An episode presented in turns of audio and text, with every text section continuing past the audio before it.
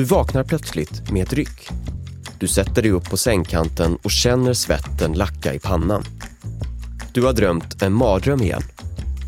Du försöker sedan somna om, men du kan inte sluta tänka på vad som egentligen just skett. Du sluter ögonen, men tankarna vandrar. Drömmar, vad är de bra för? Gör de egentligen någon nytta? Och varför drömmer vi överhuvudtaget?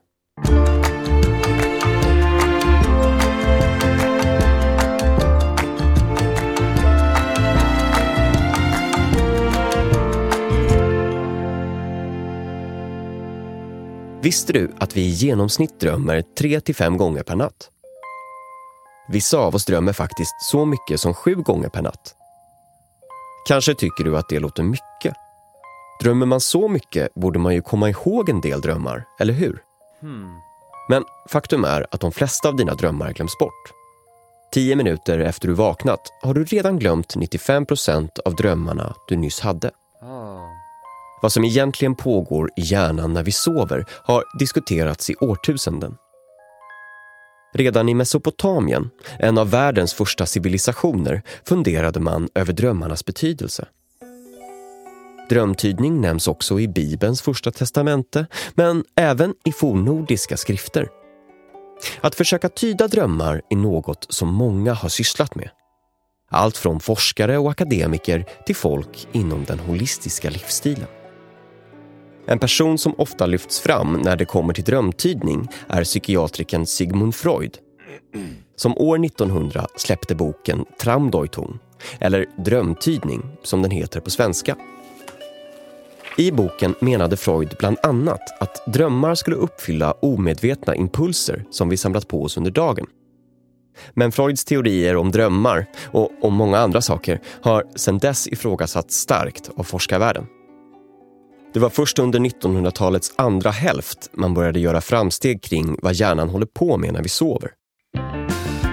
I Chicago 1953 upptäckte två forskare att hjärnans elektriska aktivitet skiftade under tiden folk sover. Perioden med långsam aktivitet, som oftast syntes, byttes ibland ut mot perioder med snabb aktivitet. Något som inträffade 3-5 gånger per natt. Och visst känner vi igen den siffran? Det man också såg var att den sovandes ögon rörde sig väldigt snabbt och att musklerna slappnade av. För att återkomma till början av det här avsnittet så vet vi att människor drömmer i genomsnitt 3-5 gånger per natt. Och drömmarna sker under det som kallas REM-sömn, eller Rapid Eye Movement. Så nu vet vi när vi drömmer. Men varför drömmer vi då? Svaret på den frågan är att vi inte vet helt säkert. På vissa sätt har vi bättre koll på vad som händer i yttre rymden än vad våra hjärnor egentligen sysslar med varje natt. Såklart finns det teorier, vissa mer vedertagna än andra, men eftersom ingen vet till 100% vad som händer när vi drömmer så kommer vi nu att behöva bli lite spekulativa. Eftersom vi i genomsnitt drömmer mellan tre och fem gånger per natt så ska vi utforska de tre vanligaste teorierna. Så gör dig bekväm bland tecken och kuddar och försök slappna av så ger vi oss av mot drömmarnas land. Drömteori nummer ett. Vi drömmer för att öva. Du springer. Hjärtat bultar i bröstet och svetten droppar. Runt dig finns bara mörker och du vet egentligen inte varför du springer överhuvudtaget. Du vet bara att om du stannar så är du i fara. Enorm fara. Kanske till och med dödlig fara. Så du fortsätter springa. Du vet inte vad som väntar när du kommer fram. Du vet inte ens om det finns något att komma fram till. Men det spelar ingen roll. Det viktiga är att inte stanna. Plötsligt slås du av ännu en obehaglig känsla. Det som jagar dig kommer närmre och närmre. Det svarta runt omkring dig tränger sig på. Du halkar till. Och precis när du tänker att ett par stora håriga händer ska få tag i dig vaknar du till med ett ryck. Du är tillbaka i din egen säng, kallsvettig och med ett bultande hjärta. Men trygg.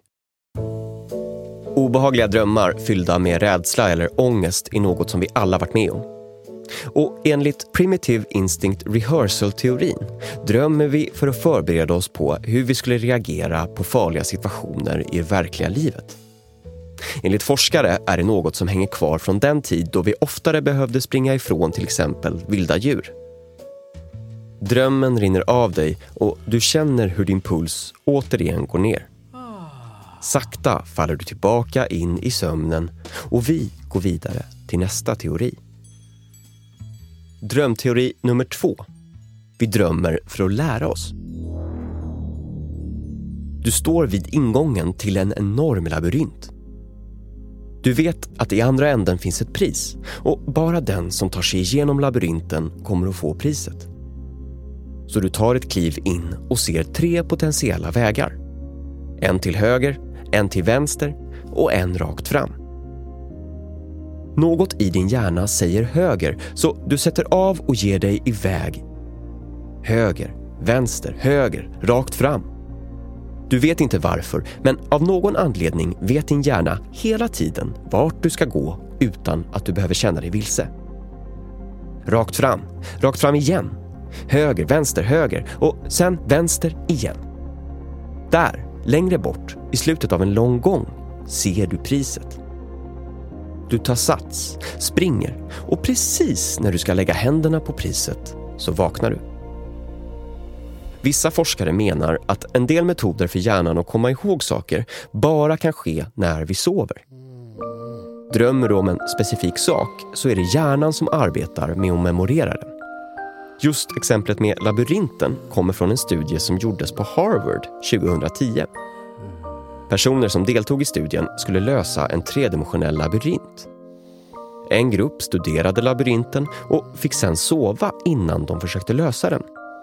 Medan den andra kontrollgruppen inte fick sova. De som sov och framför allt deltagarna som drömde om labyrinten löste den bättre än de som inte gjorde det. Återigen lyckas du skaka av dig drömmen om labyrinten och gör dig redo för att somna om igen. Vi går vidare till den tredje och sista teorin. Drömteori nummer tre. Vi drömmer för att glömma. Du står mitt i ett konstgalleri. Överallt runt omkring dig hänger tavlor. Och även om du inte direkt känner till motiven så är det något med dem som gör dem bekanta. Du ser ansikten du känner igen. Memes som swishat förbi på sociala medier. Och din hjärna kanske lite halvt registrerat. Du ser en bild föreställandes en händelse du var med om för länge sedan. Längre bort i galleriet ser du en vaktmästare komma dragandes med en soptunna. Han rör sig långsamt framåt och tar ner en tavla och slänger den rakt i soptunnan. Sen går han vidare till nästa del av galleriet och tar nästa tavla och slänger ner även den. Ni får ögonkontakt och han håller upp en bild som föreställer en person du inte känner igen. Behöver du den här? frågar han. Du känner inte igen ansiktet och motivet och du rycker på axlarna och bilden på personen åker ner med de andra tavlorna i soptunnan. Du vaknar till igen. Fortfarande i din egen säng och långt bort från gallerier och tavlor. Allt du gör eller ser under din vakna tid skapar små, små kopplingar i hjärnan och du har flera miljarder av dem. En studie från 1980-talet menar att när vi sover så går hjärnan igenom kopplingarna och slänger dem som den inte tycker att vi behöver längre. Vi drömmer helt enkelt för att glömma. En sån dröm behöver nödvändigtvis inte vara exakt så tydlig som drömmen du precis hade om galleriet. Istället kan vi drömma om väldigt olika saker för att hjärnan ska processa alla kopplingar som den vill slänga. Nu har du fått höra några teorier om vad som kan orsaka dina drömmar. Givetvis finns det fler och vi vet som sagt inte helt säkert varför vi drömmer. Kanske kommer vi en dag i framtiden upptäcka helt nya orsaker till varför vi drömmer. Kanske kommer vi inte att göra det. Tills dess kan vi bara bjuda dig godnatt och hoppas att dina drömmar, oavsett vad de handlar om, är fulla av härligheter och bra saker. Så gott.